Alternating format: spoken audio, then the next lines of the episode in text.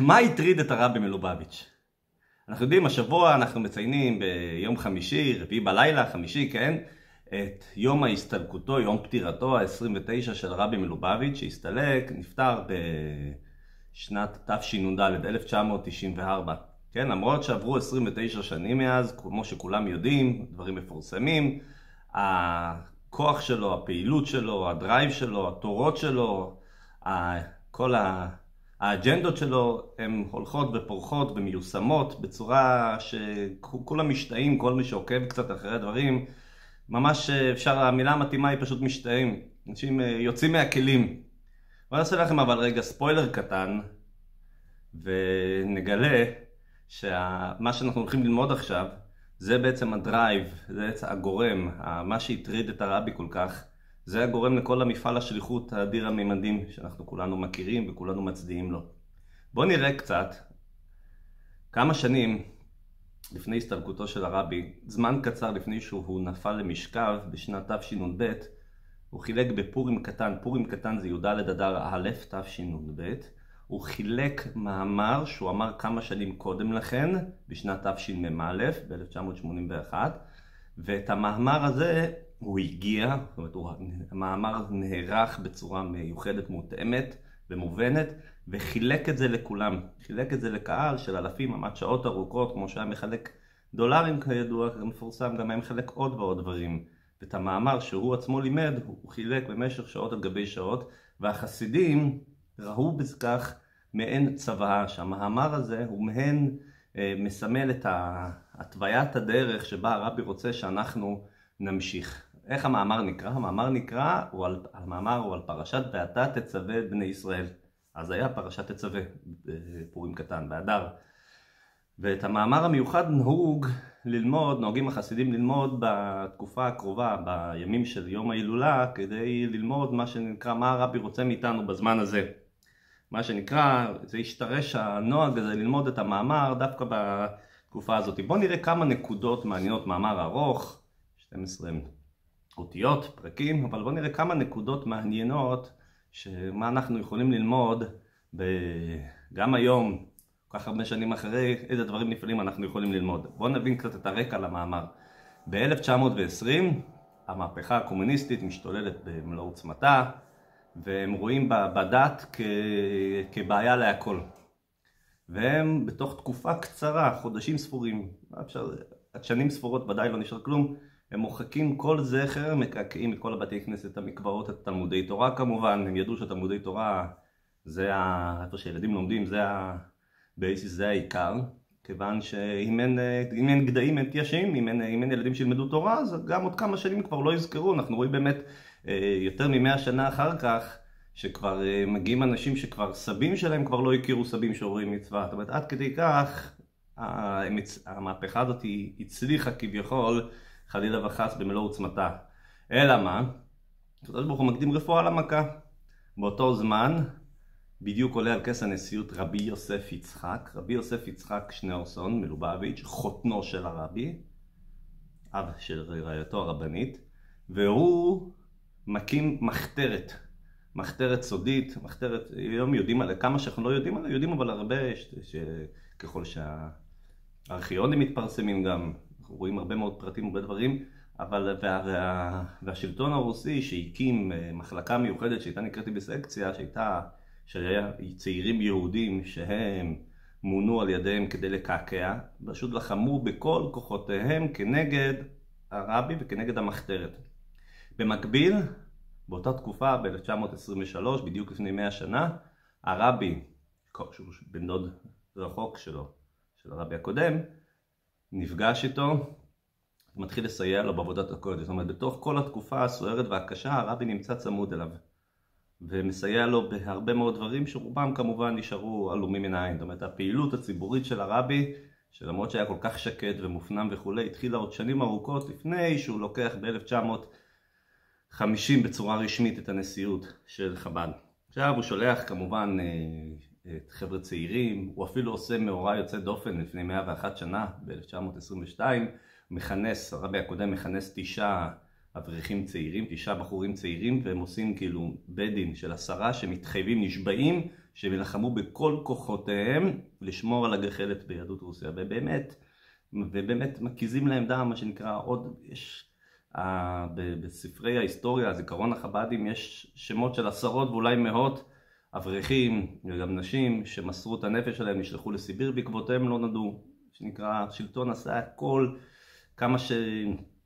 כמה שהם ניסו, ופה פתחו בית ספר ופה זה, ובשום מקום הוא לא נתן לסגור, זאת אומרת ברגע שנתפס המלמד, נתפס אה, בעל הבית שהחזיק את התלמוד תורה, את הבית ספר, מי, ש... מי שניהלה את המקווה, מיד דאגו, מיד הוא דואג לשלוח בעקבותיהם עוד ועוד.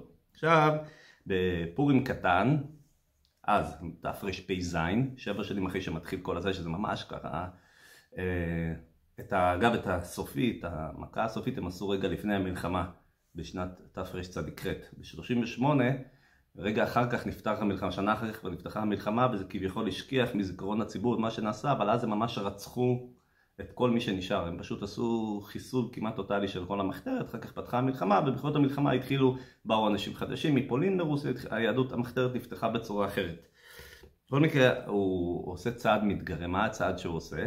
הוא מודיע שהוא הולך למוסקבה, הרבי שכבר מסומן כדרוש, הרב הקודם, שזומן כדרוש, הוא מגיע למוסקבה, והוא מודיע שהוא הולך להיות בבית הכנסת, בית הכנסת מפורסם, ברחוב הרחיחוב, אני חושב שבית הכנסת קיים גם היום, יודעים איפה זה, והוא עושה כינוס לצעירים שהם מתכנסים, קראו לזה תפארת בחורים, קבוצה של צעירים שהם כן למדו יהדות תחת, במחתרת מה שנקרא.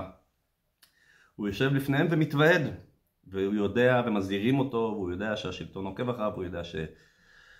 ובאמת בעקבות כך הוא נאסר בדיוק בט"ו סיוון, כמו שציינו לפני שבועיים, ובי"ב תמוז, בנס שמימי בלתי ניצל להבנה, הוא מקבל, הוא ניצל, מגזר, הוא ניצל גזר דין מוות בג' תמוז, ואחר כך בי"ב תמוז הוא משוחרר ומגורש מרוסיה. עכשיו, הוא ממש עושה את זה בצורה של, אפשר לומר, התרסה, בית הכנסת מלא באנשים, שורץ, אה, שורץ סוכנים של NKVD, והוא יושב שם ואומר מאמר שבו הוא מסביר את הנסירות נפש שנדרשת כעת בזמן הזה. והוא עושה את זה לעיני כולם, בצורה הכי מופגנת שיכולה להיות. שנים אחר כך הרבי לקח את המאמר הזה והוא, מסביר, והוא בייר את המאמר בתש"ן, אותו מאמר שהוא בייר בתשמ"א והוציא בתשנ"ב, אנחנו עוברים פה סדרה של תאריכים אבל מאוד ברור. הוא עולה לנשיאות בתר"פ 1920, הסיפור שלנו שהוא אומר את המאמר קורה בתרפ"ז 1927, שנים אחר כך ב-1981 הרבי חזר על המאמר על הנקודות וביהר את זה, התאים את המאמר לתקופות שלנו בארצות הרווחה שלכאורה אין לנו את כל הקשיים ואת כל האתגרים שהיו להם שם, מעבר למסך הברזל, ובתשנ"ב, 1992, הרבי מחלק את המאמר הזה, אוקיי? עשינו לכם פה סדר, אני חושב די ברור. ו... והרבי רואים, רואים מה שנקרא איזה קשר נשמתי, איזה, איזה אחריות, איזה אכפתיות יש לרבי מכל יהודי ויהודי. אז מה הנקודה של המאמר? שוב פעם, אנחנו עכשיו בפרשת חוקת, אבל אנחנו לומדים קצת קטע מפרשת ואתה תצווה, כיוון שזה קשור, כיוון בקשר להילולה של רבי. עכשיו, בתוך הפרשות שמתארות הבנייה של המשכן, משה רבינו מקבל ציווי מהקדוש ברוך הוא, ככה הפסוק אומר, ואתה תצווה בני ישראל. בכל הפרשה הזאת משה רבינו לא מוזכר, זה גם כן כידוע, כיוון ש... כמו שהוא מתווך, הוא בעצם מודגש פה כל מיני פירושים שבעצם משה הוא סך הכל אמצעי בין הקדוש ברוך הוא לעם ישראל ואתה תצווה בני ישראל יקחו אליך שמן זית זך כתית למאור להעלות נר תמיד והוא שואל סדרה של שאלות על הפסוק, על הדיוקים, כל מילה, כל אות בתורה מדויקים בתכלית התכליתיות. אז הוא שואל סדרה של שאלות, כן, שיש פה ב, ב, בעניינים האלה, מה שנקרא אומרים לנו תעצור רגע, תתבונן קצת, תבין קצת, יש פה שאלות שאתה אומר, רואי, איך לא הבנו את זה קודם? למה הפסוק מתחיל, וכתוב בכל הציוויים בתורה, כתוב צו את בני ישראל, ויאמר השם אל משה, צו את בני ישראל, מה זה ואתה תצווה את בני ישראל? זה גם בתוכן, כאילו משה הוא המצווה, זה לא שמשה מעביר לבני ישראל את התוכן, זה לא שמשה מעביר את הדברים של הקדוש ברוך הוא, אלא משה אתה תצווה, אתה, אתה תהיה המצווה, כאילו כביכול זה בא ממך, כן? משה הוא סך הכל השליח. והשני, מתוך הסדרה של השאלות, למה כתוב כתית למהור? כתוב השמן הוא יהיה כתית למאור, הרי, הרי השמן הוא נעשה כדי להעיר. היה צריך להגיד שמן להעיר, זאת אומרת, זה עדיין, השאלות הן דקדוקיות, אוקיי? אבל הן גם בתוכן. כל הפסוקים כתוב דבר אל בני ישראל, צו את בני ישראל, ופה כתוב ואתה תצווה, שמשה רבינו הוא לא רק המתווך כאן, אלא הוא, הוא בעצמו הגורם הדומיננטי פה. השאלה השנייה, מאור, זה מדבר על המקור של האור. אז צריך להגיד, להעיר, מה, מה, מה המטרה של השמן? זה להעיר, כדי שנוכל להפיץ את האור, כן? אז היה מתאים יותר להגיד, להעיר. מסביר על זה הרבי, הרבי יוסף יצחק, הרבי הריית מסביר, באותו מאמר, שמה זה צוותא? מה זה הפירוש המילה צוותא? בכלל מצווה. בכלל, מה זה מצווה? מצווה זה מלשון צוותא וחיבור. זאת אומרת, לא משנה אם הקדוש ברוך הוא מצווה אותנו לכבד הורים, או, לגר... או ל... לעשות שילוח הקן.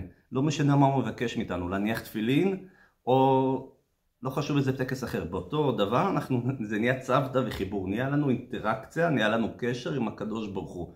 וזו הסיבה הפנימית למה אין שום הבדל בין המצוות.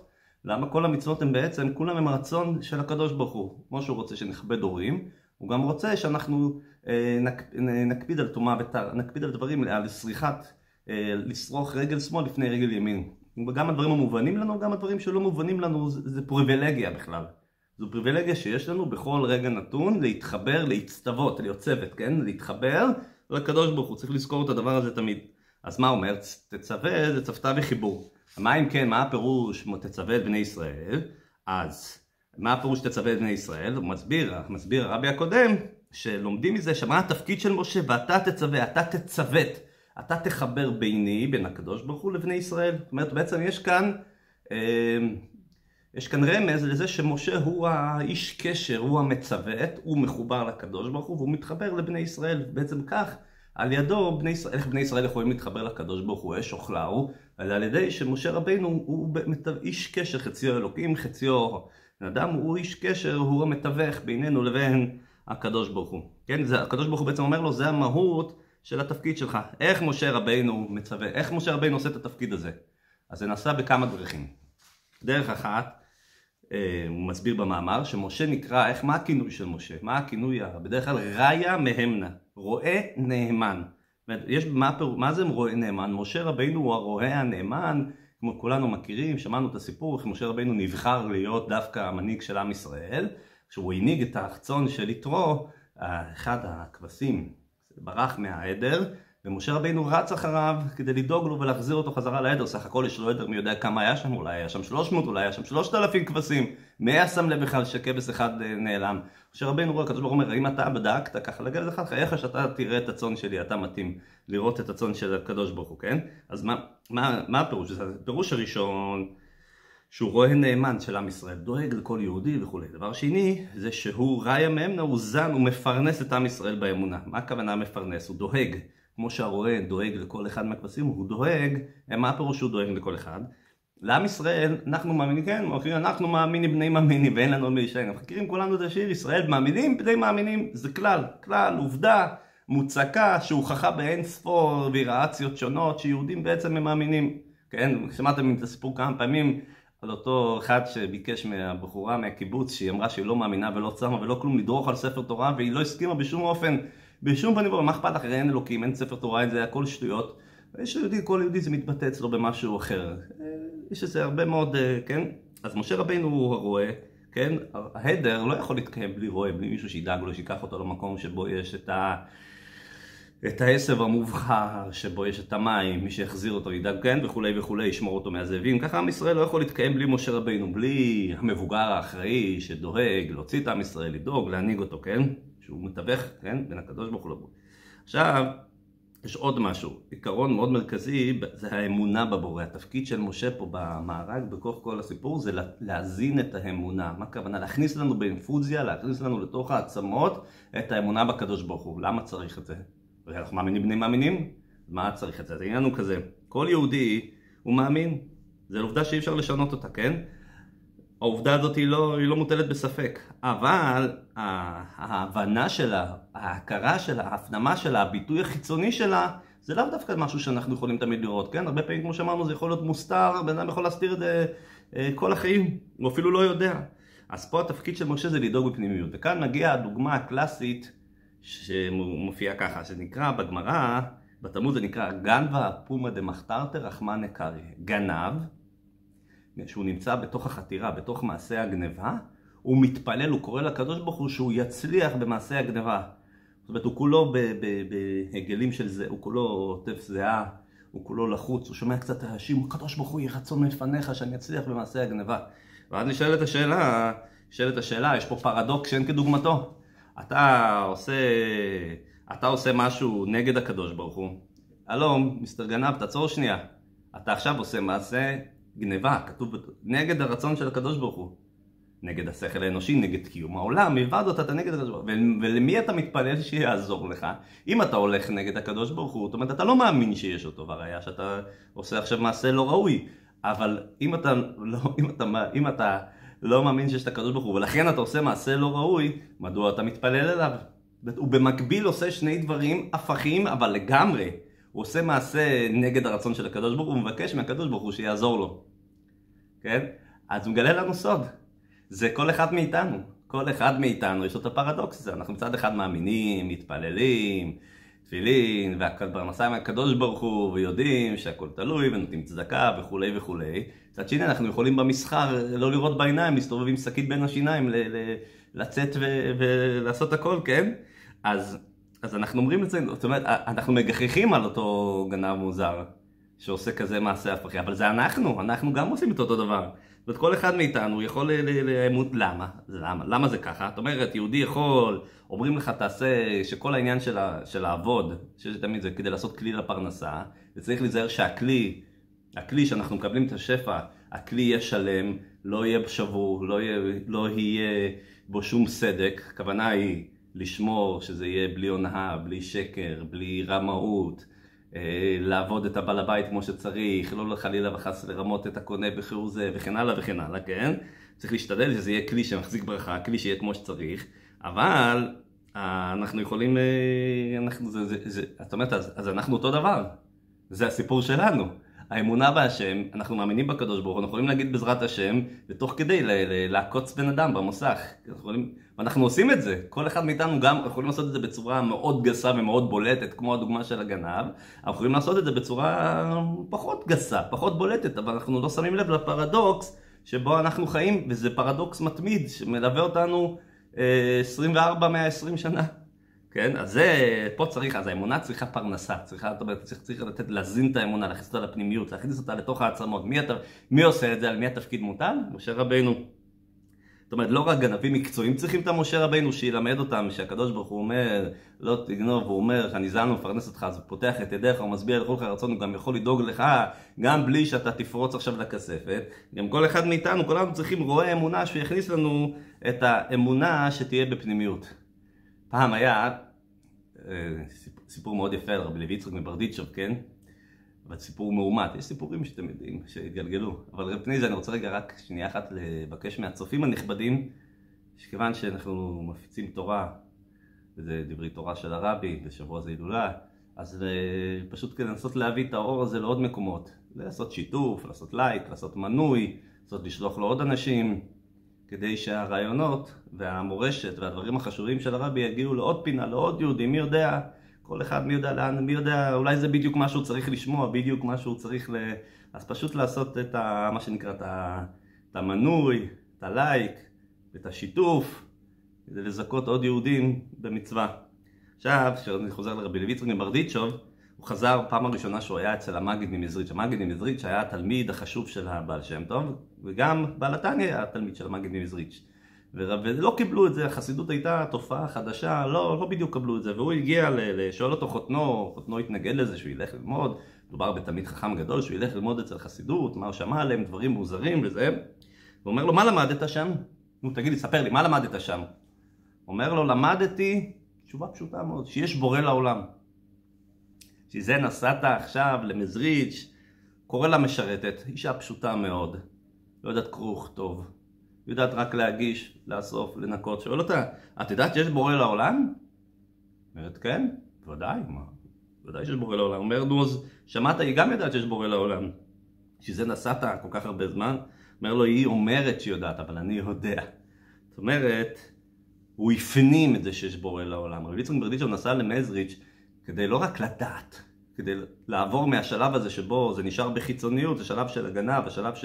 שחוס... ולהפנים, להכניס את זה, להזין את זה, זה התפקיד של הצדיק, זה התפקיד של נשיא הדור, זה התפקיד של משה רבינו, להכניס לנו את זה לתוך העצמות, שזה נחיה את זה, ושזה ינהל לנו את החיים, שהחיים שלנו ישתנו כתוצאה מכך שיש בורא לעולם. שלא רק נגיד יש בורא לעולם ונמשיך בשגרת החיים, וזה, עכשיו אנחנו חוזרים עוד הפעם. איך משה רבינו מחבר, איך משה רבינו עושה את זה, איך הוא מחבר את היהודים לקדוש ברוך הוא. אז משה רבינו דואג שהאמונה תהיה אמונה פנימית יותר, אוקיי? זה אחד העניין. עכשיו, עד כאן זה בעצם מהמאמר של הרבי הקודם של רבי יוסף יצחק. עכשיו, הוא ממשיך במאמר, הוא מסביר שזה שמשה הוא נקרא ראיה מהמנה, הכוונה היא, יש מושג שנקרא, מופיע התפשטותא דמשה בכל דור ודור.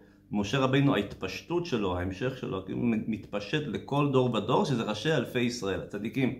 הצדיקים, בפרט הנשיא, המנהיג של הדור, הוא הממשיך של משה רבנו, זאת אומרת בכל דור ודור יש את המשה רבנו של הדור שהוא מחזק את האמונה. והוא דואג שהאמונה והתפקיד המרכזי שלו זה להחדיר את האמונה שהאמונה תהיה בפנימיות כמו עכשיו הדוגמה הקלאסית השנייה שנותן לכם משה רבנו הוא מדלג כמעט אלף שנה ומגיע למרדכי היהודי מרדכי היהודי היה משה שבדורו, התפשטות עד משה בדורו חז"ל אומרים את זה שמשה, שמרדכי בדורו כמשה בדורו שגם בזמן של גזירת המן שלימוד התורה והקיום המצוות היה פשוט עניין של לבשור את הנפש. הוא מסופר, הקיל קהילות ברבים, הוא אסף כולם ללמוד תורה. למה? כדי לחזק את האמונה שהם יוכלו לעמוד בחוזק, ללמוד תורה ולקיים מצוות. כן? השנה שבה, התקיים, שבה היה גזירת המן זו הייתה שנה מאוד מאוד שפלה. אז תחשבו שעם ישראל מוגלה מארצו, חורבן בית ראשון. מתחיל פיזור, הוא מתחילים להתרחק כמובן, הם רחוקים מהמרכז הרוחני, מתחיל להתפזר, מתחילים, נהנים מסעודתו של אותו רשע, הם בטוחים שהם עכשיו בגובה חזרה, אז הם מקבלים את הגזרה של המן, ותחשבו שיש כליה, יש תאריך קונקרטי, י"ג אדר, יום שבו אמורים, ואין לאן לברוח, כן, זה לא ש... עוד מלחמות מסוימות שבהם היה ליהודים לאן לברוח כביכול, כן? אירופה הייתה נצורה אבל ברחו לעומקי רוסיה, היו, היו יהודים במקומות אחרים, כן? בארצות הברית, ופה אין לאן לברוח כי אחשוורוש הוא המושל בכיפה, הוא, הוא מלך של כל העולם, כן? הוא שולט בכל העולם והגזרה היא בכל מקום בעולם. אז, אז ב...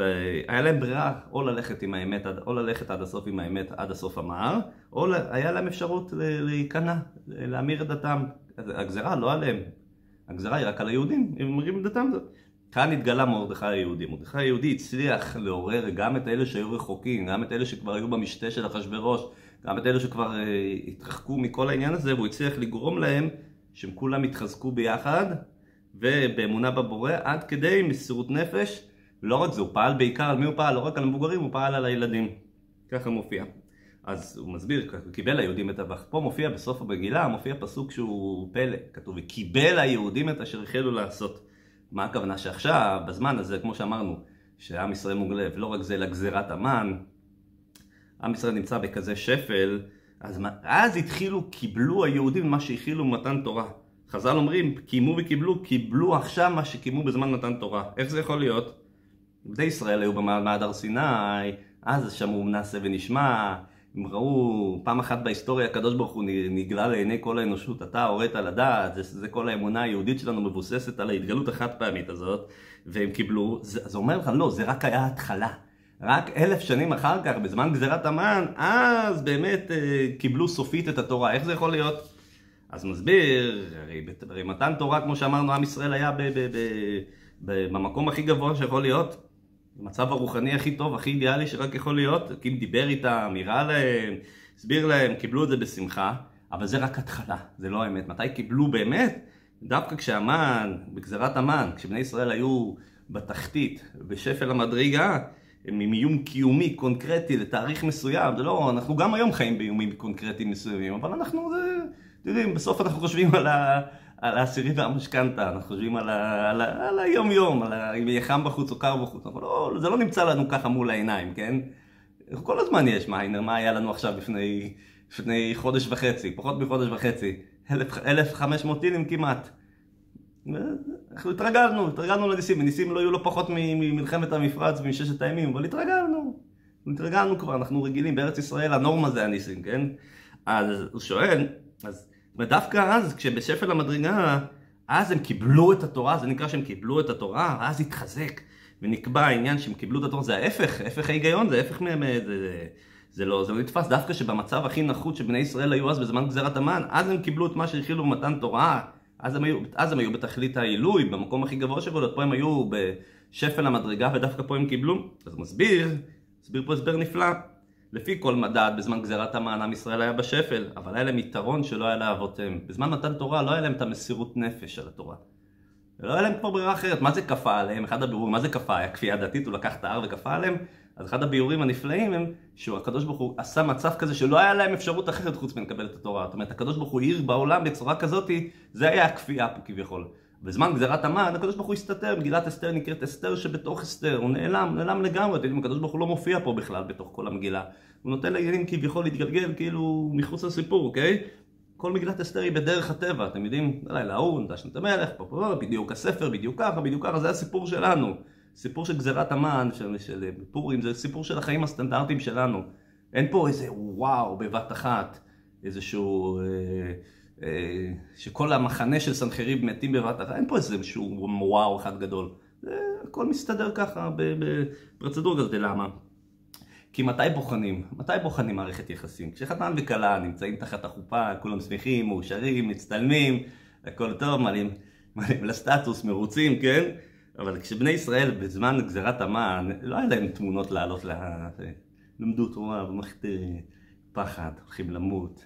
מי יודע אם היה להם בכלל מה לאכול אז, כבר בטח כבר כל השכנים פה כולם אמרו אתם כבר עוד שנה מתים, צריך לקנות לכם, לשלם לכם, צריך כלום, מי יודע איזה רדיפות, איזה גזירות, איזה שמד הם עברו באותו שנה.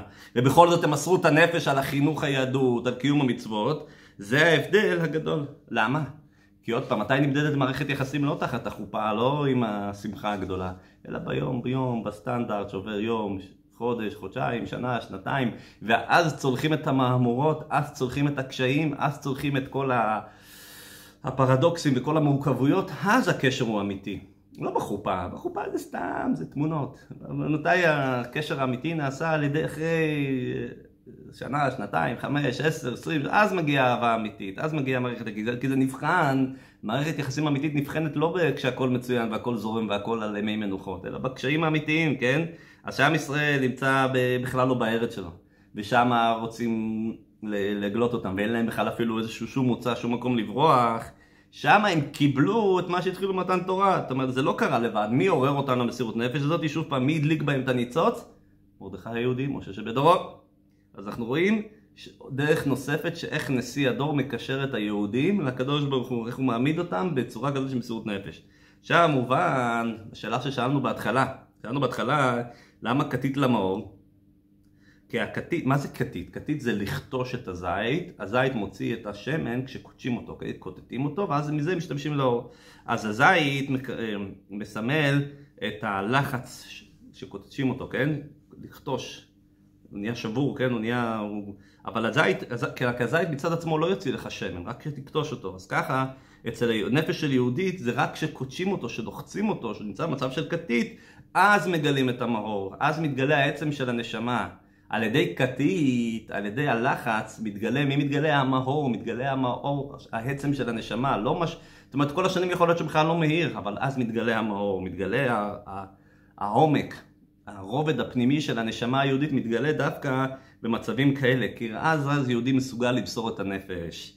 אז הפסוק, הפסוק יכול להיות תביא שמן להדליק נרות, למה לא כתוב תצו בני ישראל שיביאו שמן להדליק את הנרות. התורה כותבת כתית למאור כדי להגיד שעל ידי שיהודי דבק, על ידי שיהודים דבקים בתורה ובמצוות, על ידי שהם כתית גם במצב כזה שכל כך גולה וסורה, במצב כזה נוראי, בכל זאת תחת קשיים אישיים, בכל זאת על ידי זה הם מגיעים למאור, הם מגיעים לקשר המיוחד, לא מגיעים רק להעיר מה שיוצא מהאור, אלא מגיעים לאור עצמו, הם מגיעים למאור עצמו, מה שנקרא לקשר של העצם הנשמה.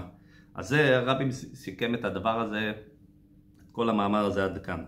פה הוא הוסיף, הוא, הוא לא רק זה, הוא בעצמו היה עשה את זה, כן? זמן קצר אחר כך הוא נאסר, והיה לו גזר דין מוות וכולי וכולי. זאת אומרת, הוא לא היה מה שנקרא, אה, אומר את זה מהשפה ולחוץ, אלא זה, זה בעצם היה החיים האמיתיים שלו. אז למדנו פה שני דברים שמגיעים, שנשיא הדור, פשוט שמשה רבינו מביא שני דברים. אחד, המנהיגות היא לראות את האמונה של עם ישראל, שזה לא יהיה מקיף אלא ייכנס פנימי, אלא שעל ידי שהתורה תיכנס אליהם בפנים, זה פנימיות התורה. הדבר השני, שמרדכי היהודי מחדש, זה לא היה קודם לכן, ש...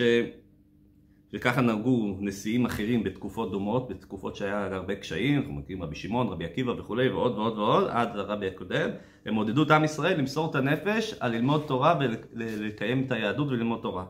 עכשיו, אין לנו את הבעיה, אנחנו יושבים בבית חב"ד, יושבים בבית הכנסת, לומדים תורה, ילדים ברוך השם במוסדות תורה, אף אחד לא מפריע להם, אז מה כל זה רלוונטי אלינו? זה נשמע משהו, משהו נחמד ללמוד, נחמד להבין, אבל איך זה אומר לנו? מה זה אומר לנו היום? בארץ ישראל ברוך השם התורה פורחת, עם כל הרעשי הרקע, ולא, לא משהו אמיתי, לא הפריעו לנו, לא עמדו לנו שוטרי קג"ב ביציאה מהבית הבוקר לעקוב אחרינו, לא סגרו לנו את הלימודים, לא, בואו ניכנס לפרופורציות. אז מה זה אומר לנו כל זה, כן? כשהרבי לקח לעצמו את ההנהגה של חסידות חב"ד, אז עם ישראל התמודד עם משהו אחר. הברית תומכים בתורה, ואין בעיה, ברוך השם, והכל מהיר, ויש ישיבות, יש תלמודי תורה, וברוך השם יש שפע כזה שאתה אפילו לא יודע לאיפה אני אלך ללמוד, השאלה היא לאיפה אני אלך ללמוד, כן? אז כבר לא צריך את המסירות נפש הזאת. אז פה הוא מסביר משהו חדש, מה זה כתית. כתית, אנשים יכולים להיות כתית בצורה אחרת, וזה, וזה הסוד של הרבי מלובביץ'. מה זה כתית? כתית שבור, שבורים, נתקעים, נאנחים, ממה? ממה? לא בגלל שיש לנו בעיות עכשיו שסוגרים לנו את התלמודי תורה, ולא בגלל שנותנים לנו חיים, יש דמוקרטיה, ושזה אף אחד לא מפריע לנו, אבל יהודי מתוסכל, הוא עצוב, הוא שבור, הוא נאנח, הוא מתייגע, מפריע לו, כי הקדוש ברוך הוא לא מאיר בעוד מקום בעולם. זה שובר אותו לרסיסים מה שנקרא. אם קודם הסברנו ש, שכתית זה מה שלומדים, שיהודי מאמין במצוות גם כשקשה, על ידי זה מגיע למאור, כאן מסביר ש, שהשני זה כשאין, כשאין גזרות. אין את הגזרות, אז ממה היהודי יכול להיות כתית? ממה היהודי מפריע לו? ממה, אם, אם אין לו צרות? מפריע לו שהקדוש ברוך הוא לא מתגלה בעולם, שיש פינה אחת, יש מקום אחד שבו אין מסעדה כשרה, מקום אחד שבו יש יהודים שהם יכולים חלילה וחס לא ללכת ולא ללמוד תורה, ולא, וזה גם קורה, זה לא רק פינה אחת בעולם, זה גם בארץ ישראל, אולי בפרט בארץ ישראל. בכל פינה בארץ ישראל, בכל פינה בעולם, זה נשמע לנו בעולם, זה נשמע שהחידוש של הרבי זה הפעילות שלו בשלוחים בעולם, ומה אתם חושבים שקוראים פה? אני אגלה לכם סוד, השלוחים, הרבנים של חב"ד בעולם אומרים שהעבודה הכי קשה היא בארץ. לא ניכנס לזה, יש, סדרת סיבות. עכשיו, אז אה, מי שיש לו, מי שיש לו חוש, מי שאוהב את הקדוש ברוך הוא, מי שדבק בתורה, מי שדבק במצוות, מפריע לו, השכן שלי, הוא לא גילה את האור הזה. ויש לו בן דוד שנסע לאיזשהו פינה, ויש לו מישהו שהוא בשכונה, אז כל עוד שהקדוש ברוך הוא לא מאיר באיזשהו פינה בעולם, זה מפריע. זאת אומרת, יהודים, יהודים מתפלל כל יום, אנחנו מתפללים בתפילות, אצל מרד עבדך אמירת תצמיח, אנחנו מדברים מה אנחנו רוצים, אנחנו רוצים להתחבר יותר לקדוש ברוך הוא. איזה דוגמה? ניתן דוגמה מוחשית לזה יותר. שיש סוגים של יהודים שהם, שהחזרה שלהם בתשובה הייתה בגלל מאורע כלשהו. חזרו בתשובה בגלל שזה קרוב משפחה נפטר, בגלל איזה טלטלה, בגלל איזה אירוע שקרה להם, אוקיי? הצהרות עוררו אותם, הנשמה שלהם התעוררה. אבל יש יהודים שהכל היה טוב, אתה שומע, אתה שומע את סיפור חיים שלהם, הכל היה לי מצוין, היה לי עסק מסודר, היה לי, יש לי אישה, יש לי ילדים, דירה, הכל מסודר, ופתאום יום אחד הנשמה שלהם התעוררה. פתאום יום אחד הם לא, לא מבינים למה. הם מרגישים, הרגשתי ריק, הרגשתי שאין לי משמעות לחיים, כן?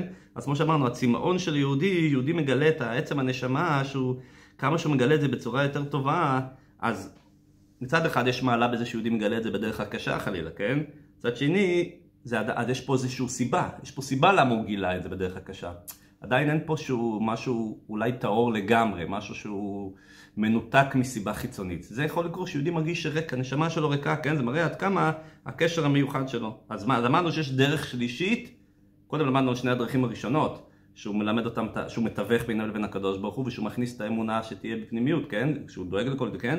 דרך השלישית היא, הדרך השלישית היא שעצם זה שהקדוש ברוך הוא, אלוקות לא מהירה בעולם, זה לא נותן להם לישון. יהודי לא יכול ללכת לישון כשיש, הוא יודע שיש יהודי אחר ש, ש, שהוא מרוחק, שהקדוש ברוך הוא מחכה לו, הוא מחכה שובו אליי ושובו אליכם. זה מפריע ליהודי בצורה כזאת, זה מפריע לו, הוא מרגיש את המצוקה הזאת, וזה הסיבה שהרבי הקים את העולם, מפעל של השליחות. מפריע לו, יהודי סך הכל, מה, מה החבר'ה שלו רצו? חבר'ה רצו, הגיעו, ברחו מרוסיה הקומוניסטית, ניצלו מהיטלר, רצו לבוא, ללמוד, לנהל חיים טובים, חיים מסודרים. הרב אומר להם, נכון שאתם רוצים ללמוד, אתם רוצים ללמוד תורת השם, אתם לומדים תורת השם, אבל השם דופק לכם על הדלת ואומר יש יהודי שלא יודע צורה של א', יש יהודי שלא יודע ב', תתעורר, תדאג לו. זה מה שהרבי רצה שכל אחד מאיתנו יפריע לו. זה מה ש... הדרייב שלו, מה ששאלנו, מה המניע, מה הפריע לרבי מלובביץ'? הפריע לו שיש נקודה אחת בעולם, וגם שכל העולם כולו יכירו וידעו כל השבט כהלכת תכרה כל ברך תשבע כל לשון, ויום הוא יהיה אחד לשמי אחד, עדיין זה לא מאיר אצלנו, יש יהודי אחד שזה לא מאיר אצלו עדיין, זה מפריע לו, וככה אנחנו מגיע ג' תמוז. הילולה של הרבי, בהילולה מתפשט, בהילולה בשונה מ...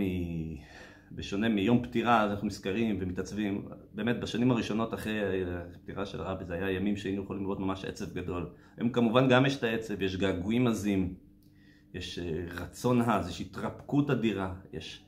והכל הכל נכון, אבל בהילולה, זה, אה, בהילולה מתפשטים, ככה כותב בעל התניא, כל המעשים ועבודתו של הצדיק מתפשטים וכל אחד יכול לקחת משהו. כשמגיע היום הזה, כבר שלושה ימים לפני ההילולה, כל אחד מאיתנו יכול לקחת מעצמו, להחליט ללכת משהו בדרכים של הרבי, להביא את הקדוש ברוך הוא לעוד פינה בעולם, ומה שנקרא על ידי זה שאנחנו נזכה שהקדוש ברוך הוא יאיר בעוד פינה, בעוד מקום אחד בעולם, אנחנו נזרז את ההתגלות שלו, אנחנו נזרז את, את הביאת המשיח שיבוא במהרה בימינו ויגאל אותנו מכל הצרות, מכל השעבודים, מכל הגזרות ומכל ה... ה... גם כשאנחנו מרגישים שהכל מצוין והכל בסדר ומסתדרים בחיים הגשמיים אז זה, אז זה עוד יותר אמור להפריע לנו, זה שלא מפריע לנו, זה עוד יותר אמור להפריע לנו. יגאל אותנו מכל הדברים האלה בגאולה שלמה, שנזכה בקרוב ממש, ראש חודש תמוז, שנזכה עוד לפני, לפני ג' תמוז, לביאת המשיח, אמן ואמן.